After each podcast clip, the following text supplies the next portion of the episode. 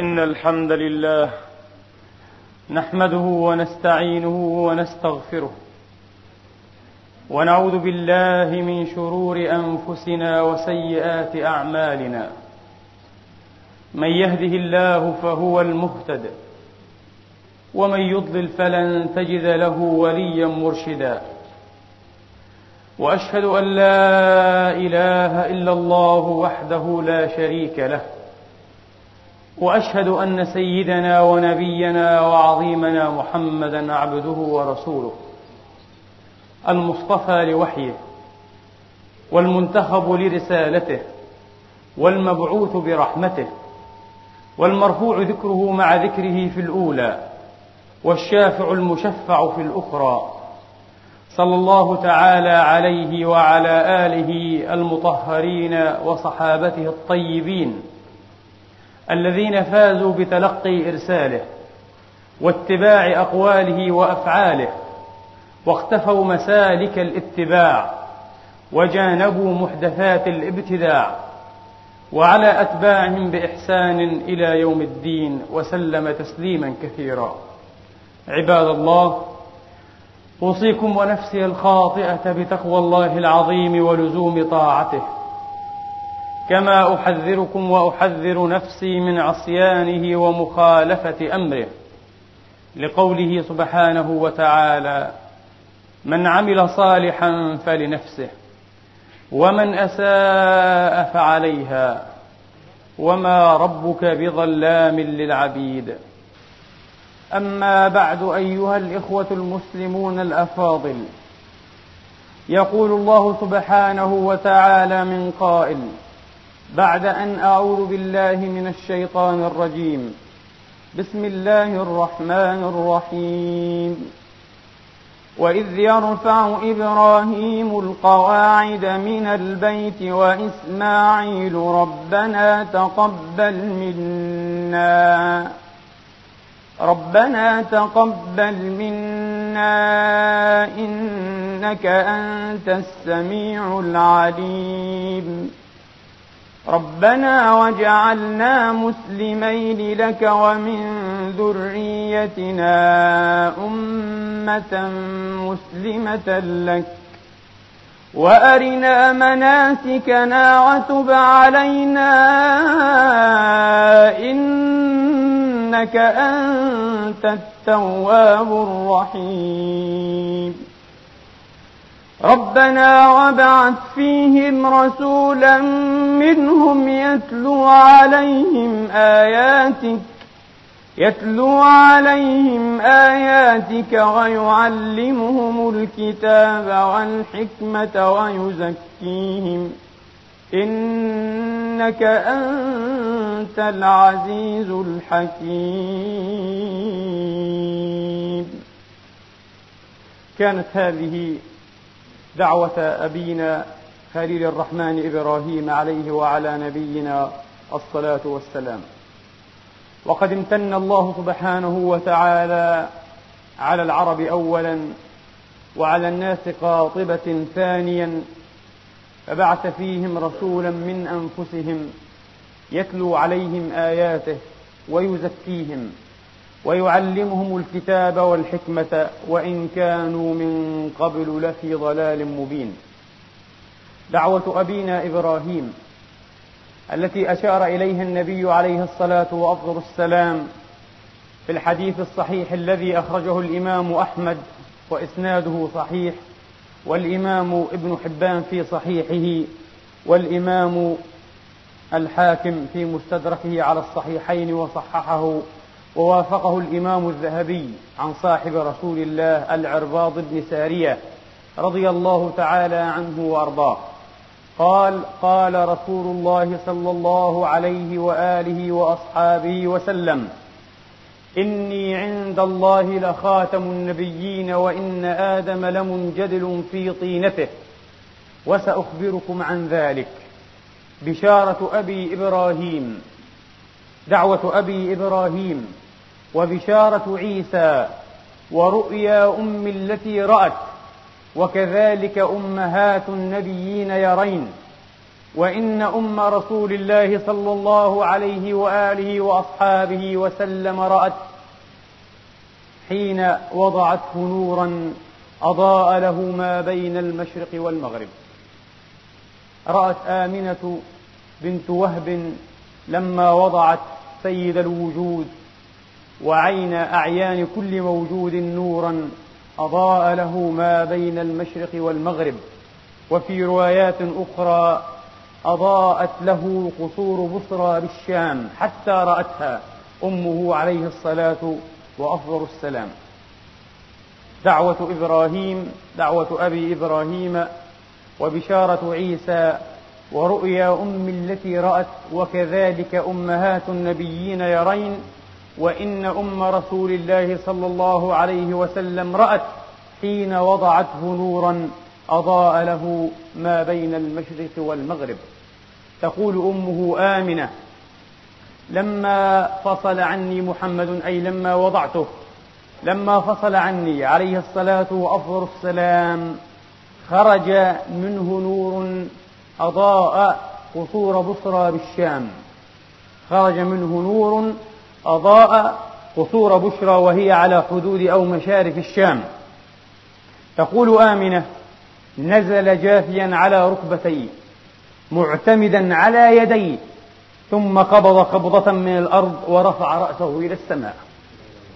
يقول السادة العلماء نفعنا الله بأنظارهم وأعاد علينا من بركات أنفاسهم. يقولون جثوه عليه الصلاة وأفضل السلام على ركبتيه دليل على تواضعه لربه وخالقه جل جلاله وعلى تواضعه لخلق الله لا سيما المؤمنين. واعتماده عليه الصلاة وأفضل السلام على يديه دليل على مضي عزمه وبعد همته حتى وهو وليد. لم يخلد إلى الأرض ولم يركن إليها ولم يضعف وإنما نزل معتمدا على يديه دليل على عزم ماض وعلى همة قوية بعيدة وعلى استقلال غريب. وأما قبضه من الأرض قبضة فإشارة إلى أنه عليه الصلاة وأفضل السلام يظهر دينه ويغلب أمره أمر سكان هذه الأرض جميعا. وقد بشرنا أن الساعة لا تقوم حتى يظهر الله دينه وحتى يعز أهله حتى لا يبقى بيت مدر ولا وبر إلا دخله هذا الدين بعز عزيز أو بذل ذليل. لا يبقى سقع من أسقاع الأرض ولا موضع شبر منها إلا أدخله الله سبحانه وتعالى في هذا الدين العظيم دين محمد.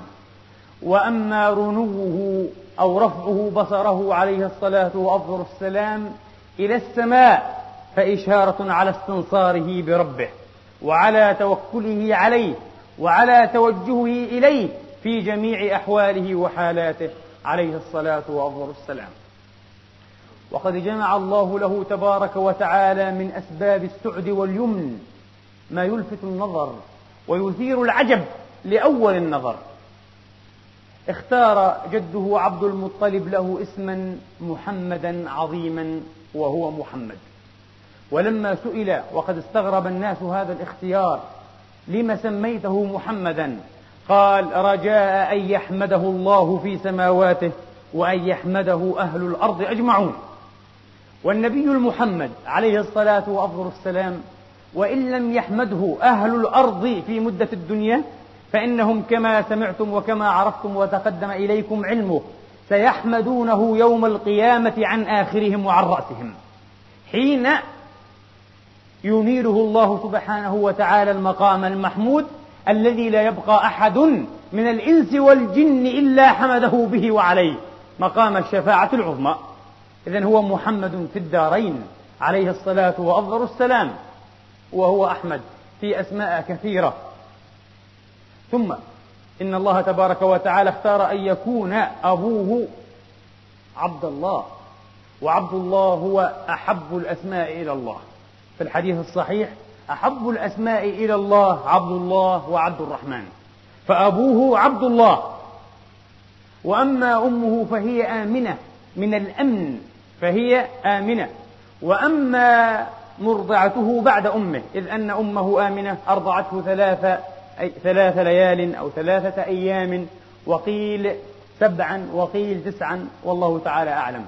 ثم أرضعته بعد ذلك ثويبة التي أرضعت عمه حمزة أسد الله وسيد الشهداء وأرضعت أيضا أبا سلمة المخزومي أبا سلمة المخزومي فكان أخوين له من الرضاعة. أرضعته ثويبة. ثويبة هذه التي ذكرت لكم في السنوات الماضية وأحب دائما ذكر هذا الحديث وذكر هذا وذكر هذه القصة. أنها بشرت سيدها أبا لهب لعنة الله تعالى عليه وكانت مولاة له خادمة عبدة عنده مملوكة له. كانت مولاة له جاءته فرحة مسرورة وبشرته بأنه ولد لأخيه عبد الله ولد وأسموه محمدا. ففرح أبو لهب الذي تبت يداه في الجحيم مخلدا. فرح وقال اذهبي فأنت حرة يا ثويبة. لأجل هذا الخبر السعيد. والآن روى إمامنا أبو عبد الله البخاري في صحيحه في كتاب النكاح عن عروة ابن الزبير. عن عروة ابن الزبير وهذا مرسل كما هو ظاهر من إسناده. عن عروة رضي الله تعالى عنهم وأرضاهم أجمعين قال لما مات أبو لهب أريه بعض أهله. وعند الإمام السهيلي في كتابه الذي شرح به سيرة ابن هشام الروض الأنف أن الذي رآه هو عمه العباس هو أخوه هو عم رسول الله هو أخوه لأبي لهب هو أخوه العباس ابن عبد المطلب. أريه في رواية البخاري بعض أهله بشر حيبة أي في شر حال والعياذ بالله. فسأله ماذا لقيت بعدنا؟ قال ما لقيت بعدكم. أي ما لقيت خيرا. وهذا على الاجتزاء كما يقول علماء البيان. قال ما لقيت بعدكم إلا أنني أسقى كل يوم اثنين من هذه في رواية أبي بكر الإسماعيلي صاحب المستخرج على الصحيح صحيح البخاري وأشار إلى النقرة التي بين إبهامه وما يليها من أصابع اليد. قال أسقى كل يوم اثنين من هذه بعتاقة ثويبة أي لما بشرته بميلاد المصطفى. أفلا يجوز لنا نحن المسلمين أن نفرح بميلاده عليه الصلاة وأفضل السلام وأن نسر وأن نستبشر دائما كل عام وكل سنة في موعد هذه الذكرى العزيزة الأثيرة الحبيبة إلى قلوب الموحدين أحباب رسول الله عليه الصلاة وأفضل السلام. ولنعمة ثم نعمة ما قال الإمام ناصر شمس الدين ابن ناصر الدين الدمشقي رحمة الله تعالى عليه قال إذا كان هذا كافر وكان هنا تامة وليست ناسخة ناقصة. إذا كان هذا كافر جاء ذمه وتبت يداه في الجحيم مخلدا. أتى أنه في, في يوم الاثنين دائما يخفف عنه للسرور بأحمد. فما الظن بالعبد الذي كل عمره بأحمد مسرورا ومات موحدا؟ اللهم اجعلنا من أحبابك ومن أحباب نبيك عليه الصلاة وأفضل السلام ومن تباع سنته السائرين في نهجه المقتدين بآثاره عليه الصلاة وأفضل السلام. وقد أحسن الشهاب الخفاجي شارح الشفا للقاضي عياض رحمة الله تعالى على أمواتنا جميعا من المسلمين والمؤمنين حين قال وحق المصطفى لي فيه حب أي في المصطفى. إذا مرض الرجاء يكون طبا ولا أرضى سوى الفردوس مأوى إذا كان الفتى مع من أحب. من أحب المصطفى حشر معه يوم القيامة بل كان معه في الجنة إن شاء الله. وحق المصطفى وحق المصطفى لي فيه حب. إذا مرض الرجاء إذا غلب اليأس والانقطاع والاستيحاش على روح المؤمن إذا مرض الرجاء وهذه استعارة فائقة في منتهى البداعة. إذا مرض الرجاء يكون طبا حبه يكون طبا لهذا الرجاء المريض العليل السقيم المدنف. ولا أرضى سوى الفردوس مأوى أي لي مأوى. إذا كان الفتى مع من أحبه روي في الصحيحين أعني البخاري ومسلمة عن أنس رضي الله تعالى عنهم وأرضاهم أجمعين يقول أنس ما فرحنا بقول المصطفى ما فرحنا بشيء قط فرحنا بقول المصطفى صلى الله عليه وآله وأصحابه وسلم المرء مع من أحب.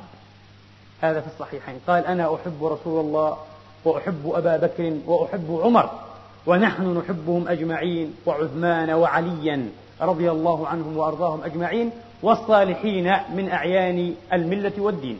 فاحشرنا اللهم معهم أجمعين. في فردوس أو في عليين. فردوس أعلى ما في الجنة. ولا أرض سوى الفردوس. ما هي الفردوس؟ يرثون الفردوس. الفردوس أعلى الجنة ووسط الجنة وتحت عرش الرحمن ومنها تفجر أي تتفجر أنهار الجنة. كما في صحيح مسلم.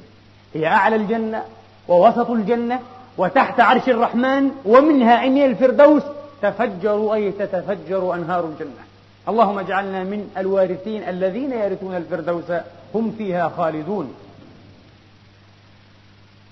إذا هذا اسمه واسم أبيه واسم أمه وثويبة من الثوب أي العود. كلما أخطأ أو جانف أو استوحش بمعصية عاد إلى ربه اسم فيه بركة وفيه يمن. وأما مرضعته الشهيرة المعروفة فحليمة السعدية. وكفى, وكفى بهما خلتين. يشيران إلى يمن وسعد وحلم. لذا لما سألها جده عبد المطلب ما اسمك؟ يا أمة الله. قالت حليمة السعدية. قال بخن بخن. نعمة الخلتان. حلم وسعد. خذيه. وافق أن تأخذه. لكن في الحقيقة هو لم يجد عليه الصلاة والسلام إلا هي أن تأخذه.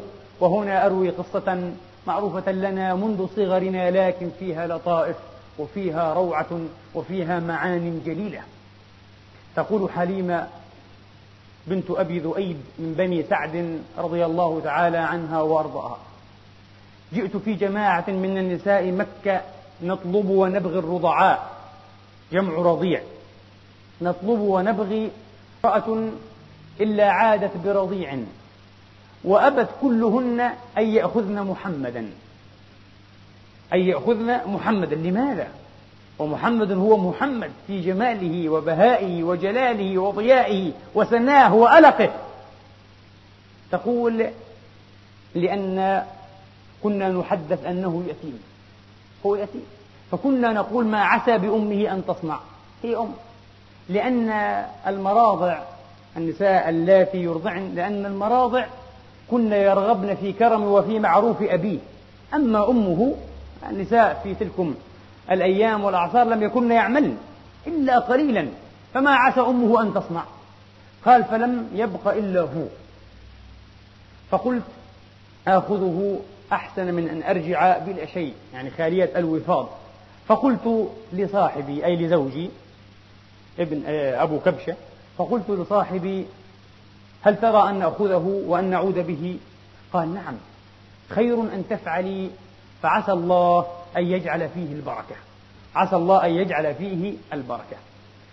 قالت فأتيته فإذا به عليه الصلاة وأفضل السلام ملفوف في ثوب من قطن أبيض من اللبن وتحته حرير أخضر نائما على قفاه يغط أي يشخر من الشخير الغطيط يغط. قالت فأشفقت عليه أن أوقظه لما رأيت من حسنه وجماله.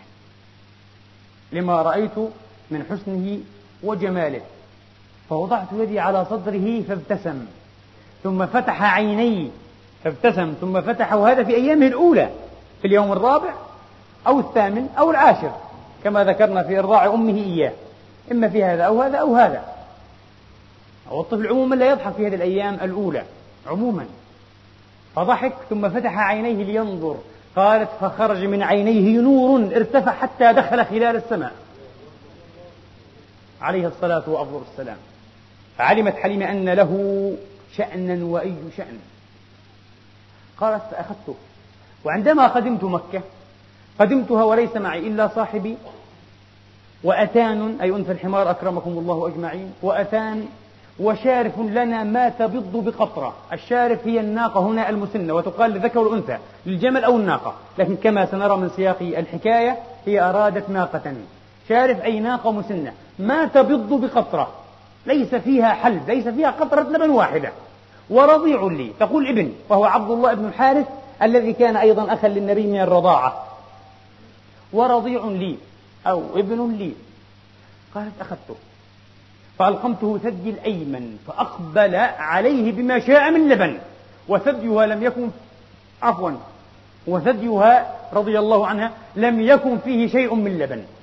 قالت وكنا لا ننام ليلنا نحن ورضيعنا لأنه ليس في ثديي شيء من لبن أغذيه به وليس في الشارف شيء من لبن نغذيه به فلا ننام ليلا أي من صراخه وصياحه. قالت ألقمته ثدي الأيمن فأقبل أي ثديه. أقبل بما شاء من لبن. جعل الله فيه الخير والبركة والإدرار. مكثارا مغزارا. قالت فشرب حتى روي فنقلته إلى الآخر فأبى. قالت وكانت هذه عادته من بعد. الله أكبر. ألهمه الله وفطره على القناعة والكمالات والنبل والمروءة حتى وهو في قماطه. حتى وهو وليد صغير يرضع. لماذا؟ كأن الله تبارك وتعالى ألهمه أن له أخا في الرضاع.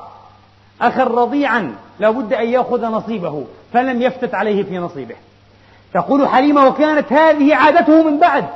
لا يشرب ولا يفتات على أحد في نصيبه. يقول العباس عبد الله ابن عباس رضي الله تعالى عنهما كان أبو طالب قد صب بالنبي صبابة لم يصب. قط بأحد مثلها. لم يحب أحدا مثل ما أحب محمدا أبو طالب عمه ولا حتى ولده. إذا خرج يخرجه معه إذا جلس يجلسه إلى جانبه إذا ذهب إلى الكعبة يجلسه أيضا على ما يجلس عليه عند الكعبة. يكرمه ويحبه أكثر مما أحب ولده. وكان النبي عليه الصلاة وأفضل السلام بقية الحديث إذا وضع الطعام وكان لأبي طالب عيال كثر إذا وضع الطعام لا يمد يده حتى يأكلوا قبله فإذا أكلوا قبله لم يبقى له شيء ولم يشبعوا. فكان أبو طالب إذا وضع الطعام يقول لهم كما أنتم أي لا تتقدموا ولا تمدوا أيديكم. ثم يدعو محمدا عليه الصلاة وأفضل السلام. فإذا أكل رسول الله أولا فإذا أكل رسول الله عليه الصلاة وأفضل السلام أولا أكلوا جميعا وأفضلوا من الطعام. يبارك في الطعام وتبقى فيه فضلة وتبقى فيه فضلة. وهكذا كان شأنه عليه الصلاة وأفضل السلام في شربه. إذا أحضر شيئا من لبن أعطاه محمدا. حتى إذا شرب شربوا من خلفه أو من ورائه أو بعده. ويبقى أيضا فضلة لبن. فيقول له أبو طالب تالله إنك يا محمد لمبارك. أنت لست غلاما عاديا. تالله يا محمد إنك لمبارك. يقول أيضا ابن عباس فيما رواه البيهقي وأبو نعيم وغيرهما كان ولد أبي طالب أي أولاده اسم جنس كان ولد أبي طالب يقومون من نومهم عمصا أي من أثر القذى شعثا وكان محمد عليه الصلاة وأفضل السلام إذا قام أو استيقظ قام ثقيلا وجهه كأنه مدهون يلتمع يتألق ثقيلا كحيلا دهينا. فيعلم أيضا أبو طالب أن لهذا الغلام شأن عظيم أن لهذا الغلام شأن عظيم عليه الصلاة وأفضل السلام. المهم تقول حليمة كما تعلمون والقصة مشهورة لدينا منذ أسناننا الأولى فركبت الأتان الحمارة وكانت ضعيفة ومجهدة. فركبت الأتان. فوالله لقد قطعت بالركب ما يستطيعها شيء من حمرهم. فاتت الحمر جميعا قطعت بهم. قالت فقالت لي النساء يا ابنة أبي ذؤيب أليست هذه الأتان التي قدمت بها مكة؟ فقلت بلى. قالوا إن لها لشأنا. إذا نفس الأتان إذا أصبح لها شأن غريب. إن لها لشأنا كما نقول إن وراءها سر. إن وراءها سرا. إن وراءها سرا. إن لها لشأنا قالت فأتينا مضاربنا ولا أعلم في بلاد العرب أجدب منها. والسنة التي أتت فيها حليمة كانت شهباء أي كانت سنة جدب وقحط. وبلادهم مضارب بني سعد هي أجدب مضارب العرب. قالت فكان إذا خرج الرعيان رعيانها أي غلمانها إذا غدوا بالماشية أو بالسائمة يروحون أي يعودون عند المساء الغدو والرواح. يروحون والماشية أو السائمة أحفل ما كانت قط. تأتي شباعا لبنا. تأتي شباعا أو تروح شباعا لبنا. أي مليئة باللبن جمع لبون جمع لبون. فكان الحاضرون يقولون لغلمانهم من الرعاء؟ ويحكم أسيموا ماشيتكم حيث يسيم غلمان بنت أبي ذئب. فيأتون في فرق كبير جدا. لا تحصل نفس النتيجة. إذا علموا أن هذه البركة العجيبة المضطردة هي من بركات هذا الغلام المبارك المحمد محمد عليه الصلاة وأفضل السلام عليه الصلاة وأفضل السلام. قالت حليمة وكان يشب شبابا لا يشبه غلام مثله. كان ينمو ويبارك حتى في نموه الجسمي. يشب شبابا فما وافى السنتين أي ما أكمل السنتين أو شارف على سنتين حتى صار غلاما جفرا أي شديدا مستقيما قويا. قالت فأتيت به أمه فأرادتني على استبقائه عندها فجعلت أتوسل إليها وأرجوها أن تعيده معي لما أرجو من بركته ونفعه.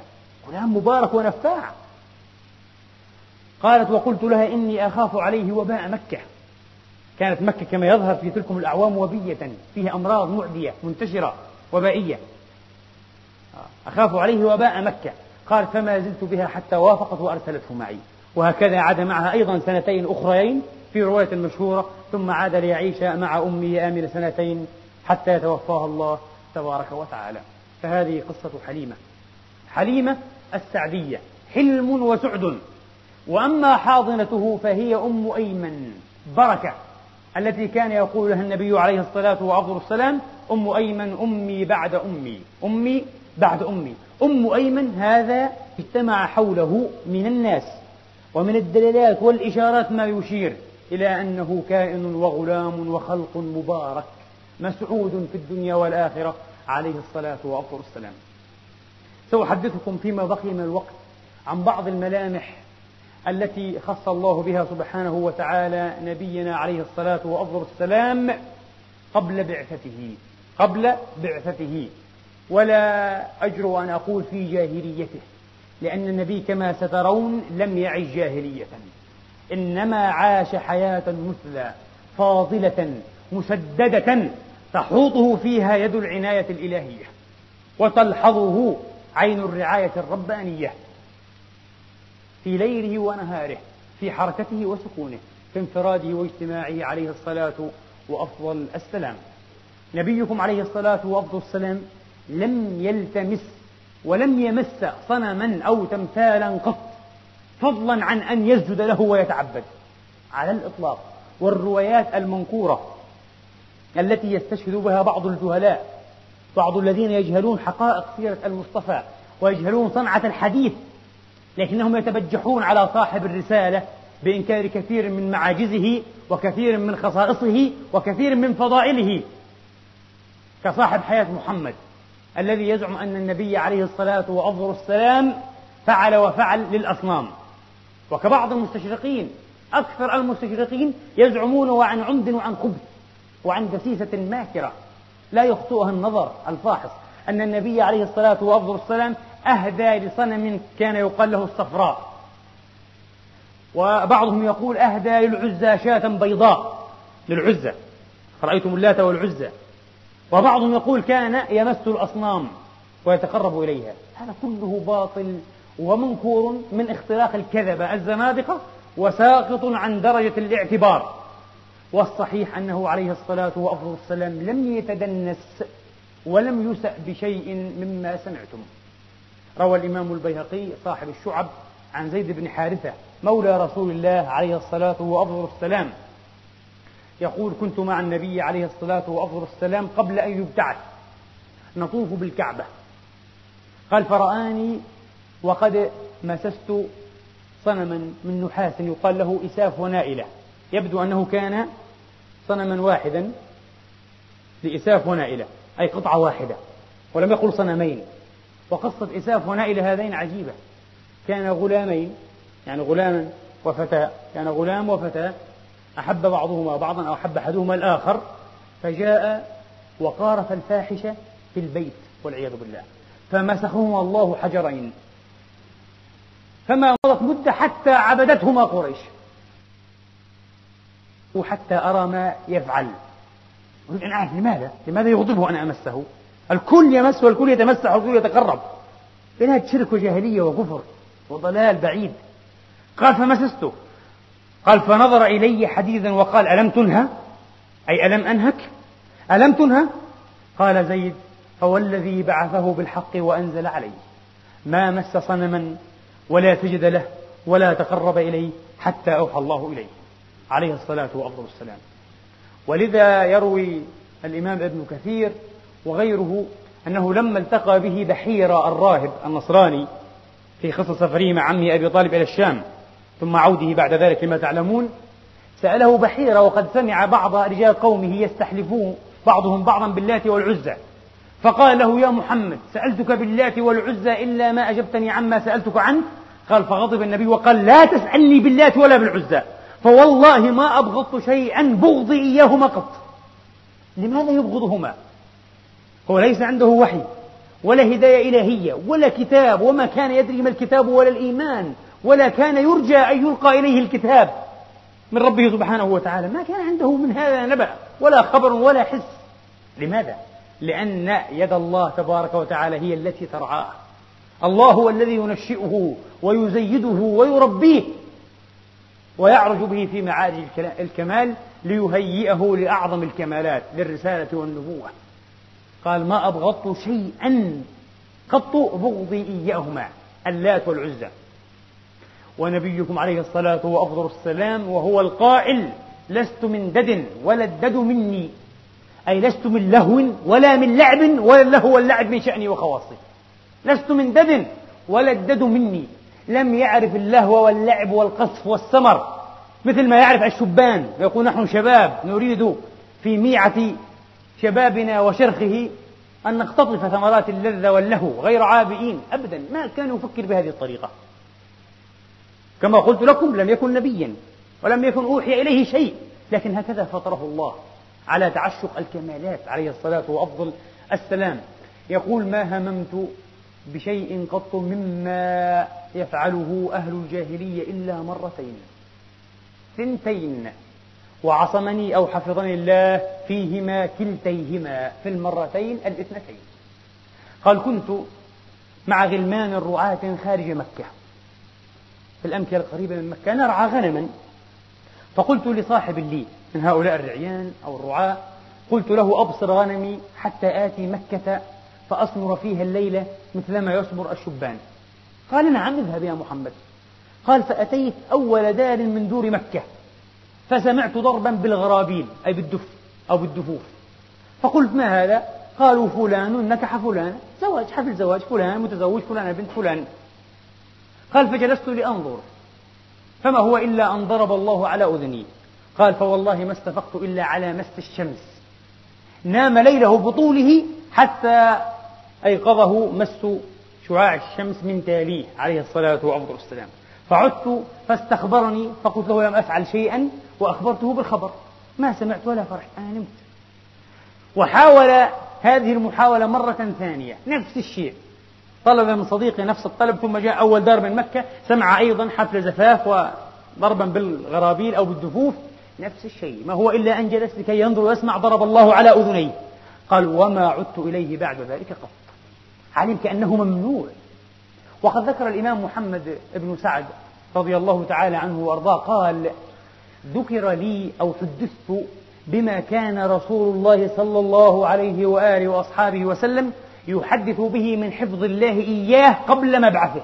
النبي كان يحدث بهذه النعم ويقول بأن الله كان يحوطه ويحفظه ويرعاه حتى قبل البعثة. يحدث بنعمة الله. وأما بنعمة ربك فحدث. فالنبي حدث فيما حدث أصحابه عليه الصلاة والسلام أنه لما كان صغيرا كان ينقل حجارة مع جماعة من الصبي أو الغلمان لما يلعبون به أي لأمر يتخذونه؟ لعبة من ألعابهم أو لعبة من ألعابهم. قال وقد وضعوا جميعا أزرهم وتعروا وضعوا الإزار وتعروا فوضعوا أزرهم على عواتقهم حتى تقيهم مس الحجر مس الحجر. فالنبي وضع مثلهم. قال بين أنا مقبل ومدبر معهم صغير طفل صغير. لا يلام الأطفال على أمثال هذه الأشياء عموما. بين أنا مقبل معهم ومدبر على هذه الحال إذ أحسست بأحد لكمني لكمة من ورائي ما أراها لكمة قوية. وقال لي شد عليك إزارك. وهو صغير. قال فوضعت إزاري. بالتأكيد ملك. أو شيء قوة من قوى الله المبثوثة في هذا الكون لأنه ما يعلم جنود ربك إلا هو. لكن الملائكة تؤيد الصالحين المؤيدين. حدث معه قريب من هذا المعنى في الحديث الذي رواه الإمام البخاري في صحيحه. كانت الكعبة شرفها الله وكرمها وحرسها دائما. كانت الكعبة المشرفة. قد جاءها سيل عرم أي سيل عارم قوي فصدع أركانها وأوهى أسسها. صدع أركانها وأوهى أسسها. وكانت قبل ذلك أيضا قبل هذا السيل العرم أو العارم قد أصابها حريق من امرأة تبخرها. يعني أصبحت واهية وضعيفة جدا. فقالوا نهدمها ونبنيها من جديد. فعندما هدموها وأرادوا أن يبتنوها ويبنوها مرة أخرى تقاسم أشراف قريش شرف البناء. فكان طبعا لأعمام النبي أيضا نصيب من هذا الشرف. فكان النبي عليه الصلاة والسلام ينقل ويرفع ويحمل الحجارة على عاتقه مع أعمامه. كان يمشي مع عمه العباس مع عمه العباس بن عبد المطلب رضي الله تعالى عنه وأرضاه وقد وضع إزاره وجعله على كتفيه حتى يقيه. والعباس قاله النبي ما وضعه لكن قال له يا ابن أخي خذ إزارك وضعه على كاهلك يقك الحجر يقك الحجر. قال ففعلت. يبدو أن النبي كان قد استتر بشيء آخر لكن فخذه قد تكشفت. فخذه فقط هي التي تكشفت. فلما فعل ما أشار عليه به عمه العباس خر لوجهه وطمح بعينيه إلى السماء. أصابه الغشي أغشي عليه بشكل مفاجئ وقوي. سقط مباشرة لوجهه على الأرض وطمح بعينيه إلى السماء ثم قال إزاري إزاري. عرف ما السر.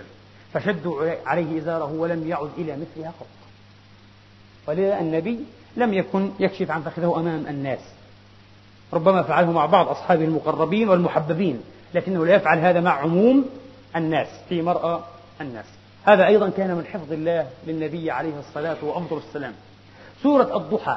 والضحى والليل إذا سجى هي السورة التي تحكي جملة جملة من هذه الحياطة الإلهية والرعاية الربانية لرسولكم عليه الصلاة وأفضل السلام قبل نبوته وأيضا من منن الله ونعمه عليه بعد نبوته.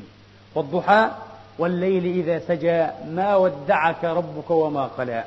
وللآخرة خير لك من الأولى مع أن الأولى كلها خير الحمد لله قبل البعثة وبعد البعثة كلها خير وأنعام تتوالى وتترى. ألم يجدك يتيما فآوى؟ فعلا كان يتيما. وآواه الله إلى من أحسن إليه. مرة إلى جده سنتين ثم بعد ذلك إلى عمه أبي طالب. ألم يجدك يتيما فآوى؟ أي فآواك. والمفعول هنا محذوف وتقديره معروف لديكم من قراءة السيرة والتاريخ.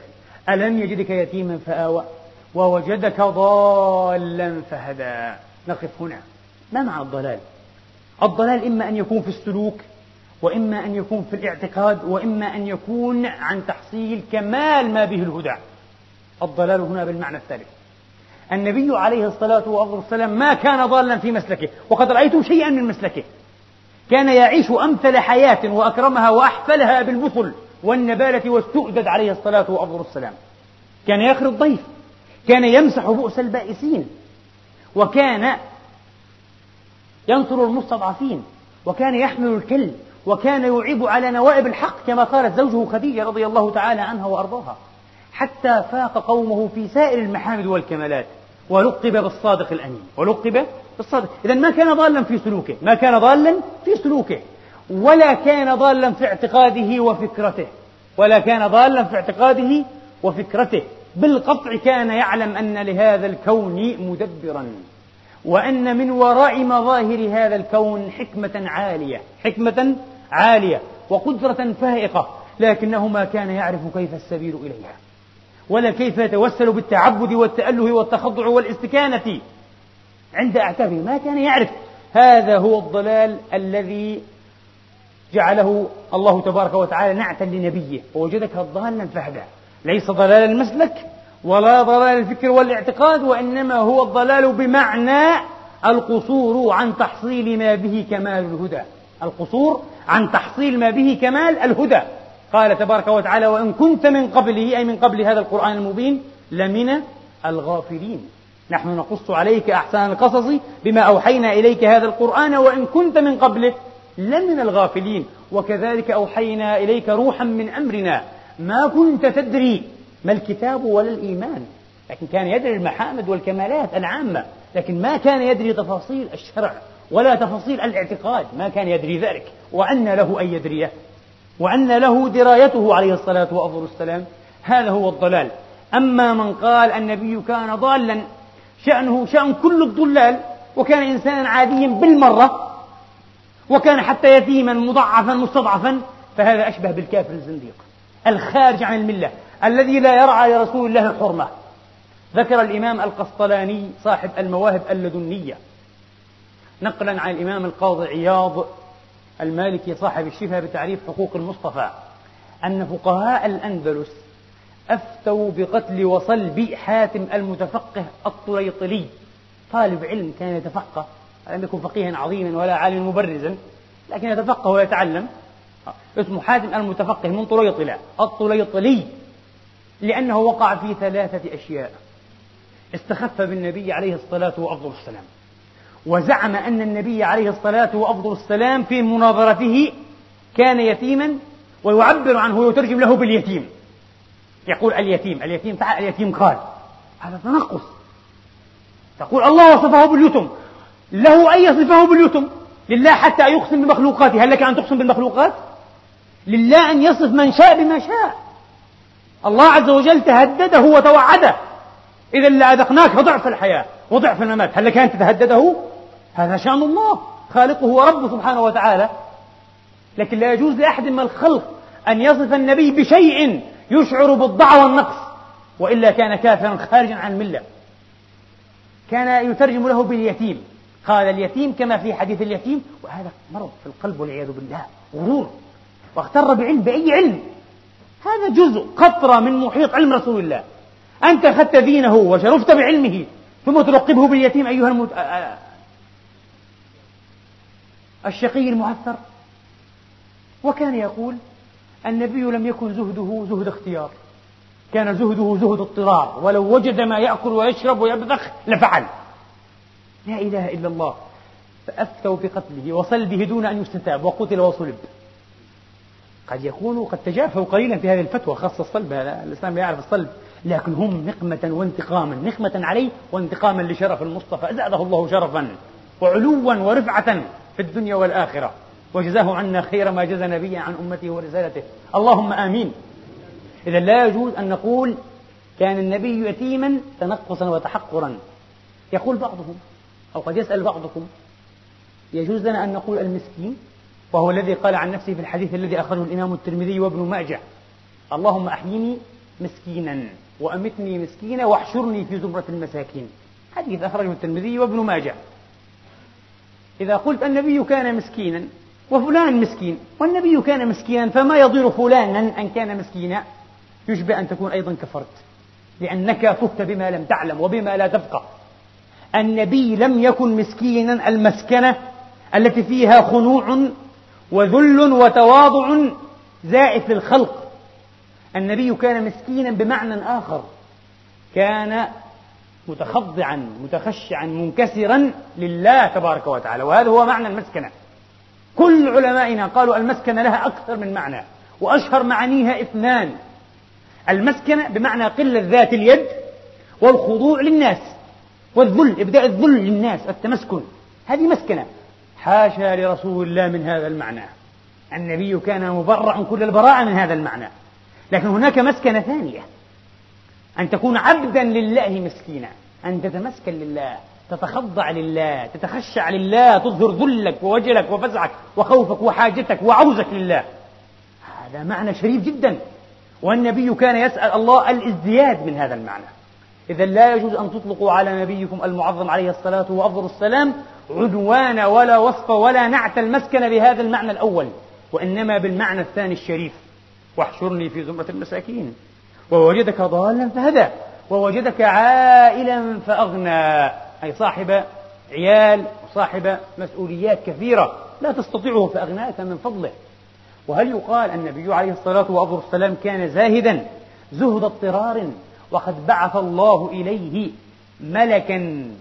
إن الله أرسله ومعه هذه المفاتيح وأيضا أرسلنا لنعرض عليك إن شئت أن يسير معك بطاح مكة ذهبا وفضة وزمردا وياقوتا.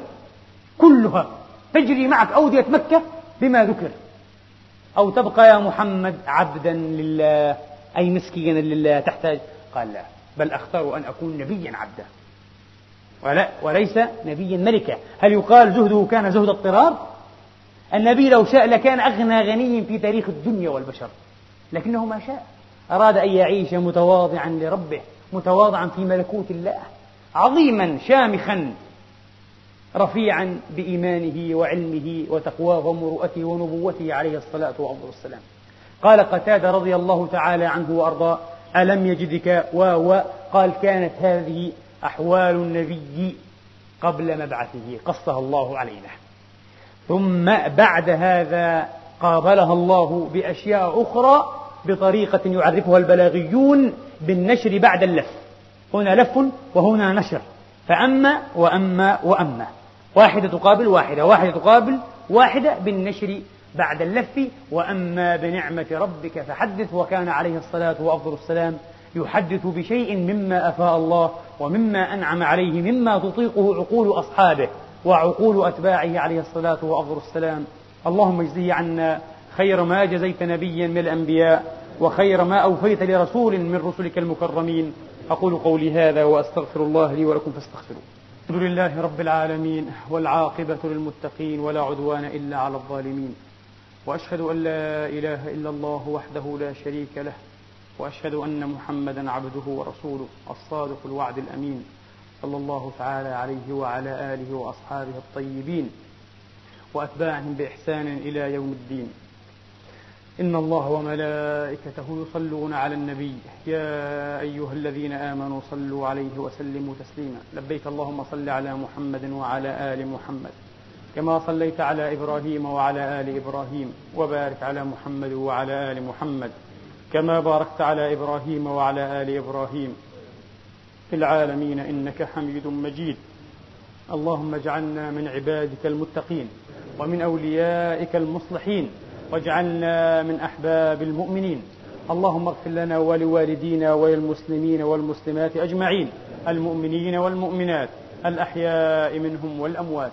اكفنا ما أهمنا من أمر دنيانا وأمر أخرانا واختم بالباقيات الصالحات أعمالنا. اللهم اجعلنا نخشاك حتى كأننا نراك وأسعدنا بتقواك ولا تشقنا بمعصيتك وخر لنا في قضائك وبارك لنا في قدرتك حتى لا نحب تعجيل ما أخرت ولا تأخير ما عجلت واجعل اللهم غنانا في أنفسنا ومتعنا بأسماعنا وأبصارنا وقواتنا ما أحييتنا واجعله الوارث منا وانصرنا على من ظلمنا وأرنا فيه ثأرنا وأقر بذلك عيوننا اللهم إنا نسألك ونضرع إليك أن تحسن ذات بين المسلمين. اللهم أصلح ذات بين المسلمين. اللهم وحد صفوفهم. اللهم اجمع آراءهم على كلمة سواء يا رب العالمين.